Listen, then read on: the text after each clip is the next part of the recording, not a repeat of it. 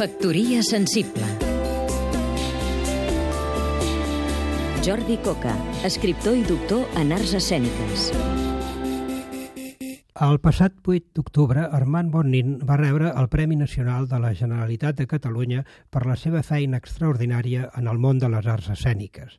Bonnin, que és una persona discreta, amb els anys ha esdevingut un nom clau del teatre català. El 1970 va ser nomenat director de l'Institut del Teatre per substituir Díaz Plaja, que havia estat 40 anys al capdavant d'una institució menor i sense nervi. Com aquell que res, Bonin té la pensada de cridar el millor del teatre independent d'aleshores a col·laborar amb l'Institut.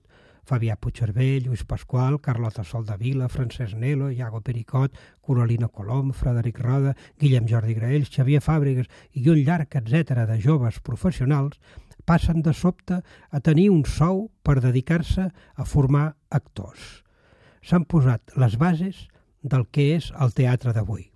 Posteriorment, Bonnin va dirigir el Centre Dramàtic de la Generalitat. Va fundar amb Jesús Julve l'Espai Brossa i no fa gaire la Seca. Amb constància, amb discreció, Bonnin sempre ha treballat per reformar, per oferir oportunitats, per obrir portes al canvi. Ara, acadèmic, Premi Ciutat de Barcelona i Premi Nacional, Bonnin també espera rebre l'homenatge que li prepara l'Institut del Teatre el dia 14 d'octubre. Serà la inauguració de curs i el món de l'escena catalana aplaudirà aquest actor, director i creador d'institucions discret i imprescindible. Bravo! Factoria sensible